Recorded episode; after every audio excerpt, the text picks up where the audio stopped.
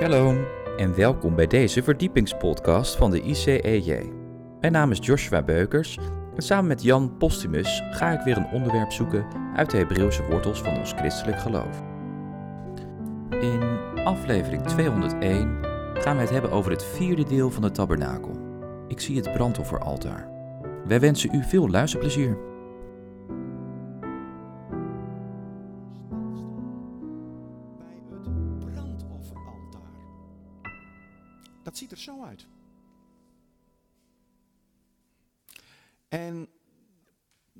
Is eigenlijk het allereerste wat men tegenkomt, wat men tegenkwam als Israëliet, als Jood, als men door de poort gaat. En dan kom je bij het brandofferaltaar. En het brandofferaltaar verwijst naar Jezus. Brandofferaltaar wijst naar Yeshua, Jezus die als offerlam voor onze zonden gestorven is. Nou, ik wil de Bijbel openen en we gaan, we gaan een kort stukje lezen uit Exodus hoofdstuk 27. Exodus hoofdstuk 27, vanaf vers 1 tot en met 8.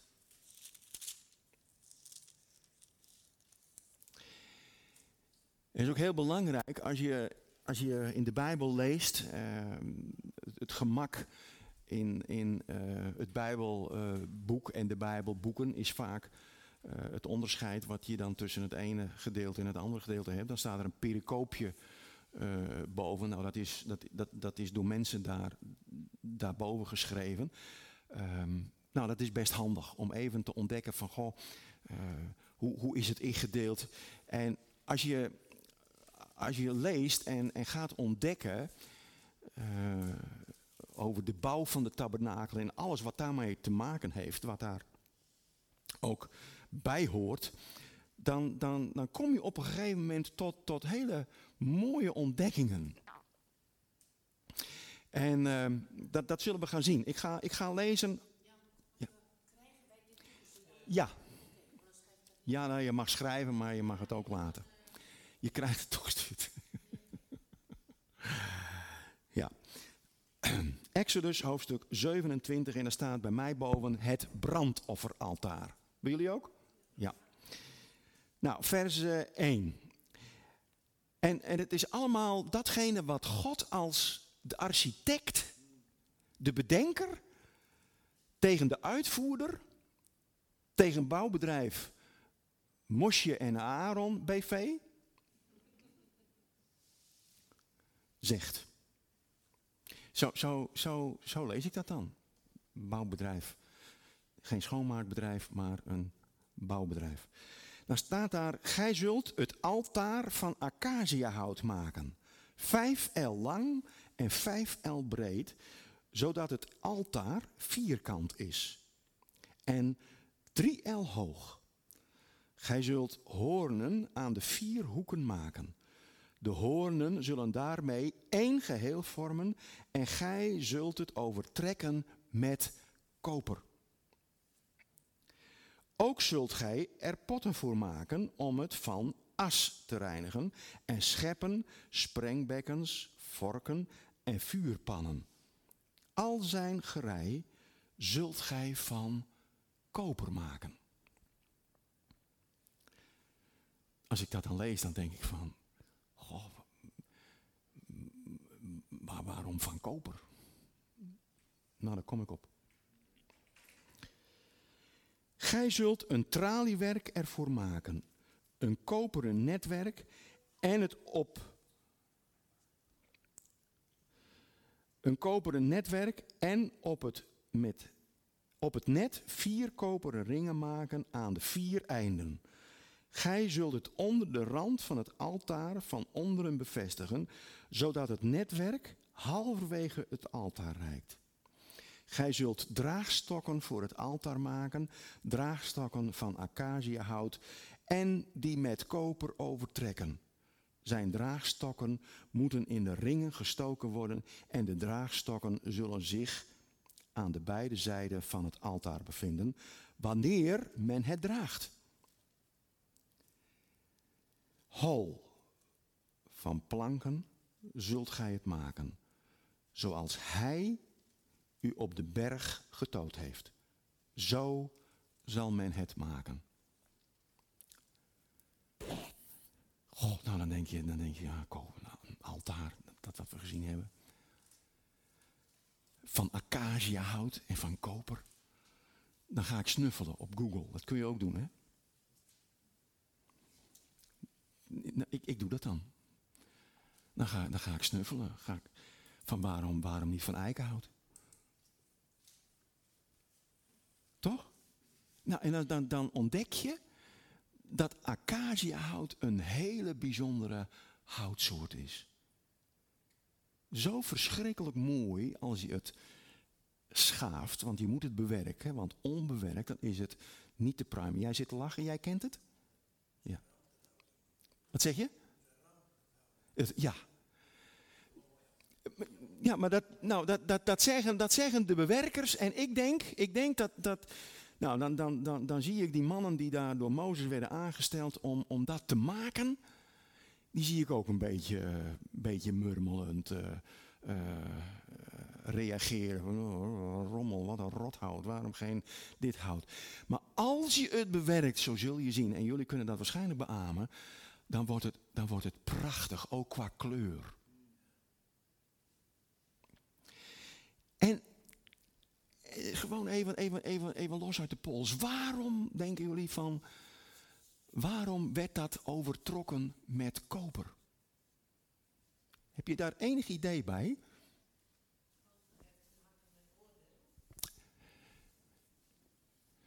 Uh, nee, nee dat, dat, dat zou ja, dat mag misschien, maar dat zou ik zo niet, dat zou ik zo niet, niet geloof ik, uh, willen, willen duiden.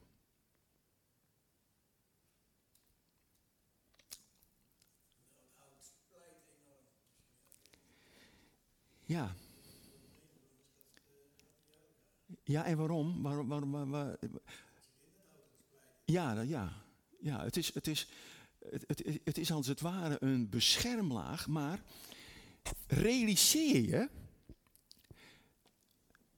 dat, we hebben hem niet, maar eh, op het plaatje nog, maar als, als je dat plaatje nog ziet, die tabernakel stond dag en nacht in de brand.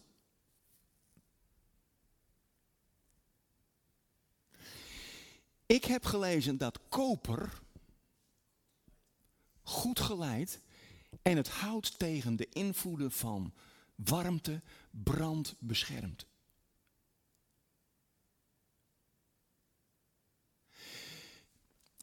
En ik trek dat beeld even door. Hout wordt eigenlijk min of meer gezien als de mens. En als je als zondig mens je leven bedekt met Jezus als Messias, dan is Hij degene die voor jou en mij dwars door het vuur gegaan is en mij beschermt. Koper. Zoek het maar op op Google. Dan zul je op een gegeven moment zien dat, dat, dat, dat uitkomsten, men heeft dat gemeten, men heeft dat want dat, dat, dat, dat vroeg men zich natuurlijk ook af toen, we dat lazen. Van nou, die, die, die tabernakel, eh, daar, daar werd geofferd. Dag en nacht. Dat ding stond dag en nacht. Stond het in het vuur. En, en, en dat hout, dat, dat, dat werd niet geraakt. Nou, eh, acaciahout, heel belangrijk. Weet je wat ook van acaciahout was gemaakt? De ark. Dat, dat, staat in, dat zie je als, je als je dat leest. God geeft daarin een duiding van, als je de ark bouwt, dan moet het op die en die manier, draagstokken, ringen. Want de ark die moest, uh, die moest gedragen worden. Want op een gegeven moment, heb ik misschien ook al eens gezegd, als de ark uh, wordt buitgemaakt tijdens een oorlog met de Filistijnen. Dan uh, gaat onder Eli gaat de ark uit de tempel, uit de tabernakel gehaald worden. En die gaat, uh, die gaat naar het land van de Filistijnen. Nou, en men dacht dat de ark ook naar de Filistijnen, mooie woordspeling, zou gaan. Maar niet de ark ging naar de Filistijnen, maar de tempel van Dagon ging naar de Filistijnen. Want toen de ark daar kwam, werd het rabouli in de tent. Alles nukte van het zoggel. En toen dachten de Filistijnen, dit apparaat, dit ding moet hier zo snel mogelijk weer vandaan. En hoe deden ze dat?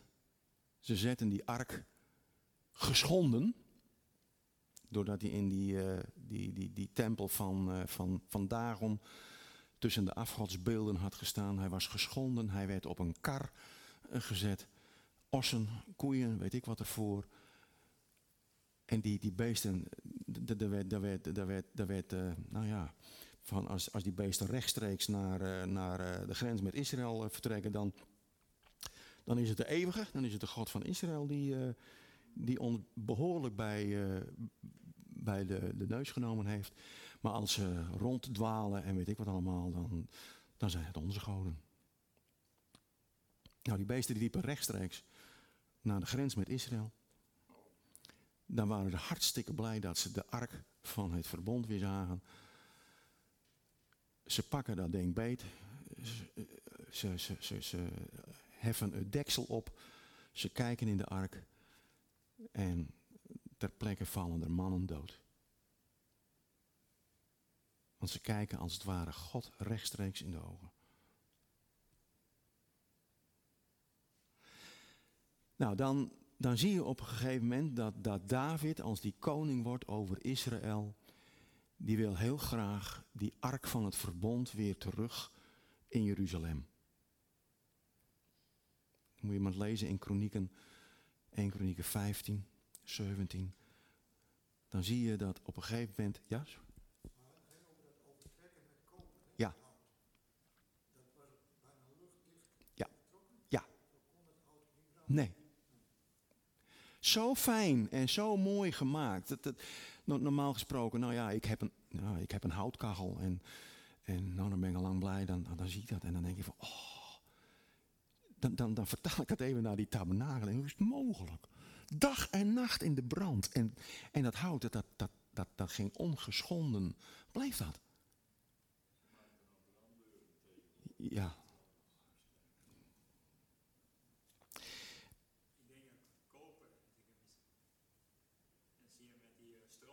Ja, ja. Ja, klopt. Ja, ja, ja, ja. Koper is een, is een belangrijk onderdeel. Een belangrijk, mooi om dat zo even gewoon te benoemen. We, lezen er heel vaak overheen, maar hoe belangrijk is dit om te ontdekken? Nou, even terug naar David. David die wou die ark weer in Jeruzalem. Wat doet David op een gegeven moment? Hij doet het op dezelfde manier zoals ook de Filistijnen dit deden. Hij maakt ook een mooie wagen met ossen ervoor. En dan stort uh, ook op een gegeven moment dat hele gebeuren in een ongeluk. Hij uh, dreigt van de kar te vallen. Bij de dorsvloer is er iemand die uh, dat tegen wil houden en die sterft. En dat is eigenlijk het moment dat David tot bezinning komt.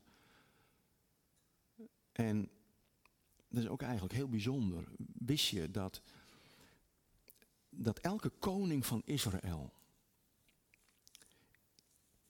in zijn bureau la een kopie van de Torah moest hebben. Dat was, dat was voorschrift. De koning, die had een kopie, een kopie van de Torah-rollen in zijn la.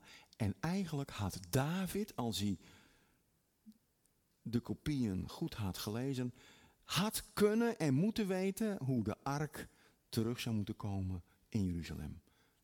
Dragend. Door de priesters en de levieten.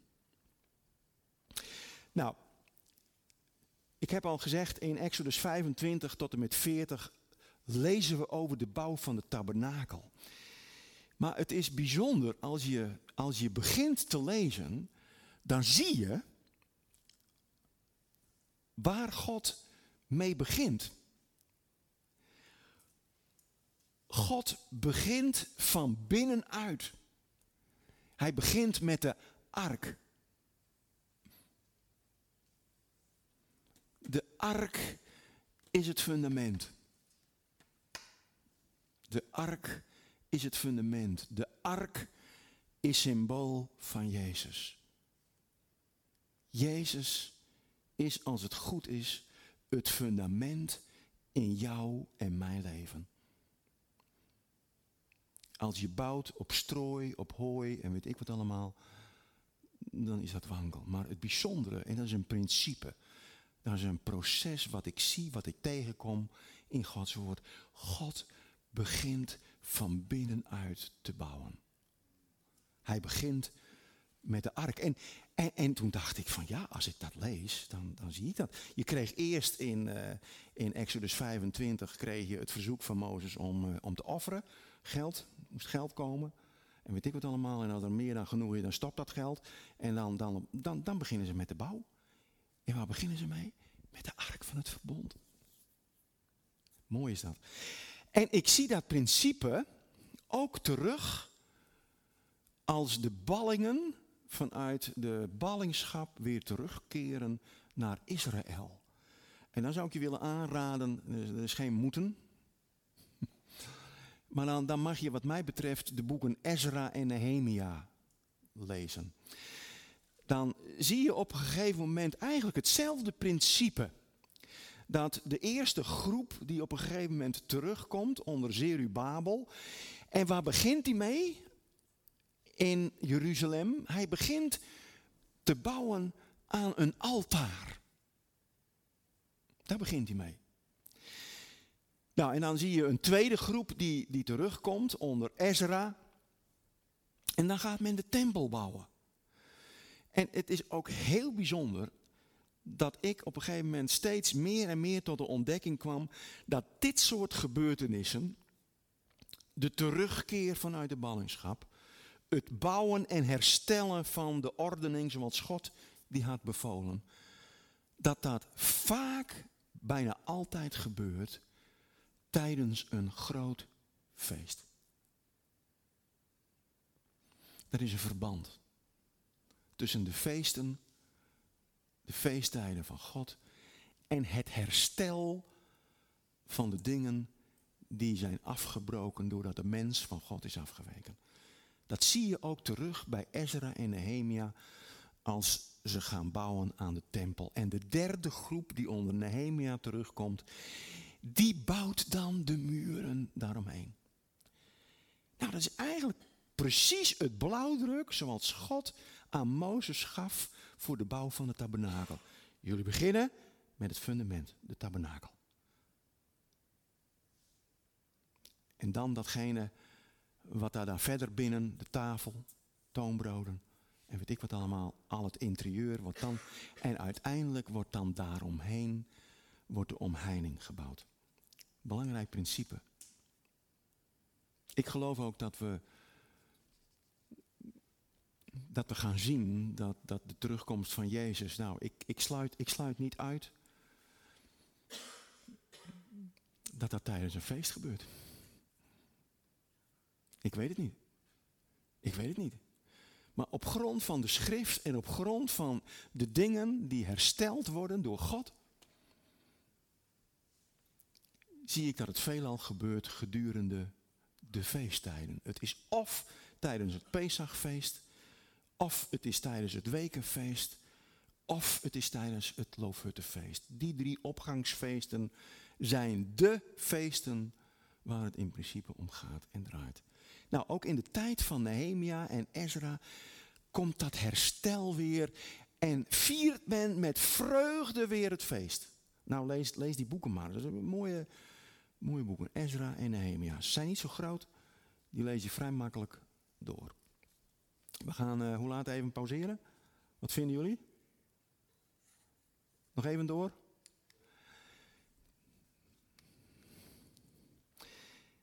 Nou, je ziet, wat ik al zei, je ziet dat God begint vanuit het centrum. Hij begint met je hart. God werkt door zijn geest in je hart. En daar begint het. Hij begint bij je hart en ziet je hart aan. Wij kijken vaak naar de buitenkant. Maar God kijkt naar jouw binnenkant. En vanuit die binnenkant maakt Hij de omheining, maakt Hij je mooi. Nou, ik heb al dat, dat beeld misschien genoemd als de Israëliet destijds in de woestijn, optrekkend, afbrekend, opbouwend. Moet, moet je nagaan wat, wat, wat een gigantische klus dat steeds was. Bij de mannen daar weer die, die, die, die brandofferaltaar dragend uh, weg en de ark dragend weg. Weer optrekken onder leiding van de, de wolkolom. Weer naar een volgende pleisterplaats. Weer opbouwen. Weer precies hetzelfde gaan doen. Nou, er zit ook iets gestructureerds in, denk ik. Ik denk, hoe vaker je dit doet, hoe, hoe makkelijker het, het, het zal zijn gegaan. Zo stel ik mij dat voor. Maar het allereerste was wat, wat de Israëliet zag, als ze weer geordend rondom die tabernakel waren opgesteld, daar zagen ze de witte omheining. En die was vrij hoog, die, die, die zagen ze. Ik heb misschien al, ik weet niet of ik het hier ook gezegd heb, maar ik, ik vergelijk, en ik, ik, ik, ik, vergelijk dat toch een beetje met, met opwekking. Heb ik dat genoemd hier? Opwekking, biddinghuizen, waar, waar ze tijdens de Pinksterconferentie met man en macht een, een, een tentenkamp opzetten. Nou, toen dacht ik van, oh, dan krijg ik een beetje een beeld van hoe, hoe, hoe, dat in de tijd van Mozes en Aaron moet zijn geweest. Want ook daar, in Biddinghuizen, met de opbouw van dat gebeuren, gaat dat heel gestructureerd en geordend. En met prachtige boekwerkjes en tekeningen en weet ik wat allemaal. Ik heb jarenlang in een bannerteam mogen meewerken in die werkweek daaraan voorafgaand. Hartstikke leuk, geweldig, aan te bevelen. En wij, wij moesten banners, van die banners, nou dat zijn, waar dan op staat van, nou ja, daar, daar is uh, tent voor de kinderen, daar is weet ik wat allemaal. En dat moest precies zo en niet anders. En, en, en dan, dan, dan was het uh, donderdagmiddag, vrijdagochtend en dan zei de, de, de, de, de opperbaas die, die de leiding had over dat team. Nou, dan, dan had je dagen, uren met zo'n zo'n zo'n boor, zo'n zo'n grondboor in, in de grond geboord. Nou, dat draaide op een gegeven moment draaide dat ding ook weer vast. Wisten wij veel. En dan stond je daar, stond je daar aan te sjorren en te trekken. En dan moest er weer een een of andere show komen. Die dat ding er weer uit ging halen. En, dat ik, oh. En, en, toen moest ik even denken aan die Israëlieten. En wat hebben wij gemord daar op het opwekkingskamp. We zeiden van, oh, dan hebben we het gesodemieter weer zat je weer in een stuk sappige grond en dan bleef die boor die bleef weer hangen. En dan sloeg dat motortje weer af, dan was de benzine weer op. Wat een toestand. En dan elke, elke vrijdagochtend, dan kregen we de eindcontrole. ongelooflijk, daar kwam, dat was heel mooi, daar kwam Ruben Vlag als directeur van dat hele gebeuren met, met de ordendienst van het veld. Die, die fietsten dan op hun fietsjes uh, langs de tenten. En op een gegeven moment dan, dan, keken ze naar die banners. En dan, ah, dan, ja, dan, dan, dan, zagen wij al hoe laat het was. Dan uh, werd er een opmerking gemaakt. En dan kwamen ze op een gegeven moment kwamen ze als, als, als, als, als leiding kwamen ze bij ons en zeiden van nou, de banner die daar staat, die, uh, die staat niet helemaal goed. Die staat niet recht. Die steert, die steert u het leert. En, en, dan moest je, en dan moest weer opnieuw. Snap je iets van. En, en dan denk je, oh. En dat was dan, dat was dan een, een, een werkweek. Nou, en, en terugkijkend naar die Israëlieten die dat bouwwerk, die tabernakel, steeds weer moesten opbouwen en afbreken. Realiseer je wat, wat voor werk dat. Nou, ik snap heel goed dat die mensen op een gegeven moment gaan morren en gaan zeuren. Toch? Ik vind dat zo menselijk. En, en dan elke dag, uh, elke dag hetzelfde eten. Mannen. ja, nou, dat, dat, dat, dat was wat men zag. Als men, als men uit hun eigen tentje kwam, dan zag men als Israëliet die omheining, die witte omheining. En dat was iets heiligs wat men zag. Wit, smetteloos. En ik herinner mij dat om het bouwwerk van het gebeuren op Walibi, dat, dat, dat mochten wij als bannerteam ook doen, we mochten ook de afrastering maken. En dat gebeurde eigenlijk vergelijkbaar als met de omheining van de tabernakel. Dat gebeurde met, met, met witte, nou ja, van die, van die geplastificeerde, weet ook hoe dat gaat, van die, van die dingen die je nou met tie rips kon, uh, kon vastmaken. Wit, de omheining, dat zag men. En, en als, als Jeltje en ik in onze vouwbak uh, lagen op veld B, ver van het centrum verwijderd, dan, dan, dan zagen we uiteraard zagen we natuurlijk een hoop mensen, maar we zagen, en dat vond ik ook heel bijzonder, zagen we ook op dat middenterrein zagen we het kruis. Als een centraal punt, midden op dat terrein. En, en ook jarenlang heeft daar ook uh, tijdens een Pinksterconferentie heeft daar wel eens de Chanukkia gestaan. De, de kandelaar die, die door Christenen voor Israël mensen zijn gemaakt. En die nu in Sederot in, uh, in Israël staat gepositioneerd. Maar die twee stonden naast elkaar. Dat vond ik een, een eikpunt. Dat zagen we. Nou, en het tweede wat men zag, was eigenlijk de tegenwoordigheid van God in die wolk. Men zag in die wolkolom de tegenwoordigheid van God. En als derde zag men het vuur van het brandofferaltaar branden. Nou, we hebben de vorige keer stilgestaan bij de poort.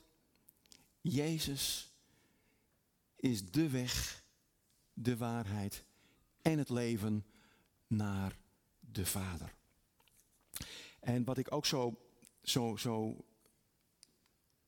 zo mooi vind, is, en dat komen we, dat komen we, komen we nog tegen zometeen, bij de offeranders. Want dag en nacht was het daar bij dat brandofferaltaar, was het een komen en gaan. Realiseer je dat? Dat, dat, dat als de Israëliet tegen zijn buurman wat had gedaan of men had gezondigd tegenover God, dan, uh, dan was de weg vanuit je tent met een van je dieren naar de priesters. En dan kwam je bij de tabernakel. En dan, dan zie ik dat beeld voor me. Hè? dan, dan, dan, dan, dan probeer ik dat beeld wat naar me toe te trekken. En dan zie ik mezelf zitten daar op dat, dat, dat grote biddinghuizenterrein. En, en stel je even voor dat op een gegeven moment eh, de buren onderling iets met elkaar hebben.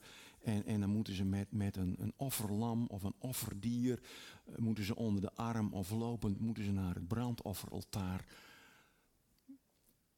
Om verzoening, vergeving te ontvangen. Nou, dan denk ik op een gegeven moment dat, dat, je, dat je als je dan voor je tent zit, helemaal schoon. Hm? Zeg je van, oh, nou dan loopt Piet ook weer. En dat, is, dat is vandaag al de derde keer dat hij uh, met een offerlam uh, daar naartoe loopt. Zo, zo, zo ging dat. Realiseer je dat? Daarvoor was dat brandofferaltaar.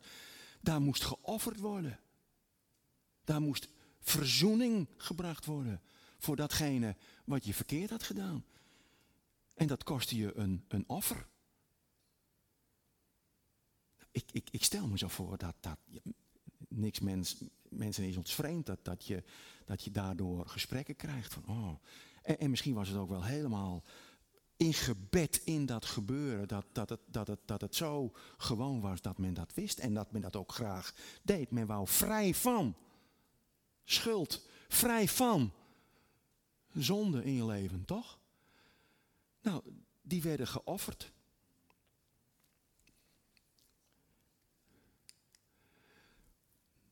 Het volgende, dat is.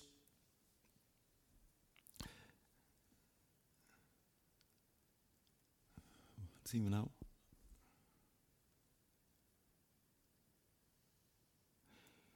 moet even terug, denk ik nog. Zeg je?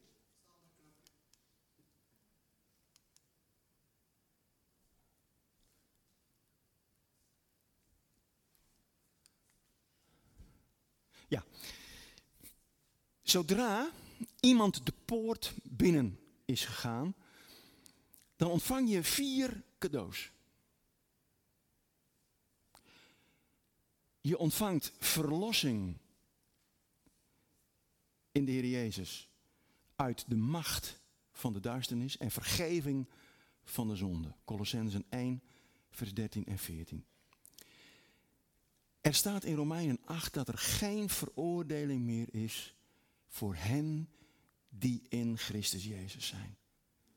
Er is geen veroordeling meer. En je bent, dankzij het offer van Jezus, ben je gerechtvaardigd uit het geloof. En daardoor mag je leven in vrede met God. En vervolgens staat er in Efeze 1 dat we geestelijke zegeningen hebben ontvangen in de hemelse gewesten. Onze geestelijke rijkdom, die we dankzij het offer van Jezus hebben gekregen, is gekoppeld aan één persoon. En dat is het Lam Gods, Jezus, de Messias, de Zoon van de levende God. Altaar en offer. Het, het woord altaar, dat betekent slachtplaats. Het woord altaar betekent slachtplaats. En het stond op een verhoging. Het altaar, het brandofferaltaar, stond op een verhoging.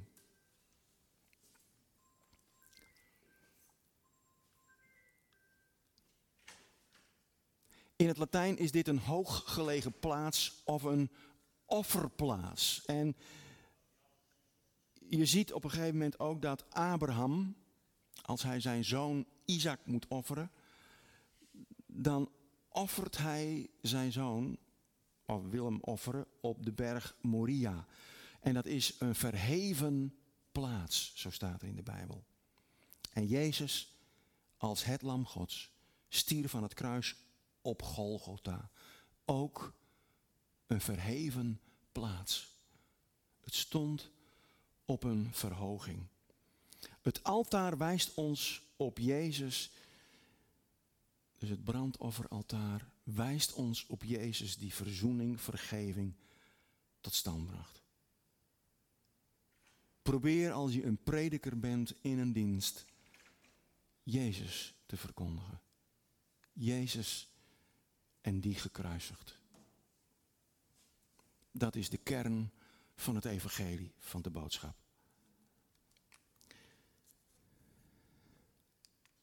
Het altaar, zo hebben we gelezen in, uh, in het gedeelte aan het begin, is 5 L lang en 5 L breed. En dat is geen toeval. Getalsmatig hebben uh, de cijfers in het Jodendom ook een betekenis. En in de Bijbel is het getal 5 het getal van de verantwoordelijkheid. En de wet die heeft vijf geboden voor de mens tegenover God. En vijf geboden tegenover de naaste, zo staat er in Exodus 20. Nou, wat, wat ook heel leuk is, is dat we hebben vijf vingers aan elke hand en vijf tenen aan elke voet. Ik zie ze bijna bij jou uit de schoen. En we hebben ook vijf zintuigen. De vraag is van, wat hebben we met onze handen en met onze voeten en met onze zintuigen gedaan? Hebben we God ermee gediend of niet? Nou, dat, dat, dat, dat, mag ik mijzelf afvragen. Wat heb ik met mijn voeten, mijn handen en mijn zintuigen gedaan? Nou, in feite hebben we hiermee al zijn wetten overtreden. En dus mogen we, en zelfs toen moesten ze komen, bij het altaar om vergeving, verzoening te krijgen. En Jezus is het volmaakte offer wat naar het kruis ging en aan het kruishout genageld is voor onze zonden, voor onze overtredingen. Ook belangrijk is, hebben we gelezen, het altaar had vier hoeken met vier hoornen. En de Bijbel die, die is daar ook duidelijk in. In de Bijbel is vier het getal van de aarde. Heel goed. Er zijn vier jaargetijden. Genesis 8, vers 22. Door God gegeven. Er zijn vier windstreken. Of hoeken van de aarde. Jesaja 11, vers 12. En we hebben ook, heel bijzonder, ook vier kleuren gezien in de poort. Vier kleuren. Weten we ze nog? Wit, blauw, scharlaken en purper. Vier kleuren. Nou, hij, Jezus, is een losprijs voor allen ten behoeve van allen. Geen één uitgezonderd. 1 Timotheus 2, vers 6.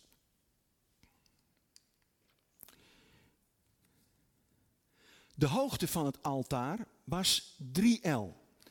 Nou, de Godheid bestaat uit drie personen: Vader, Zoon en Heilige Geest. En alle drie, al de drie, hebben iets te maken met het altaar. De Vader gaf zijn zoon, Johannes 3, vers 16. De zoon gaf zichzelf, gelaten 2, vers 20. En hij offerde zich door in de kracht van de Heilige Geest. Hebreeën 9, vers 14. De zoon offerde zich smetteloos aan de Vader door de Heilige Geest. Wat een gehoorzaamheid. Wat een gehoorzaamheid.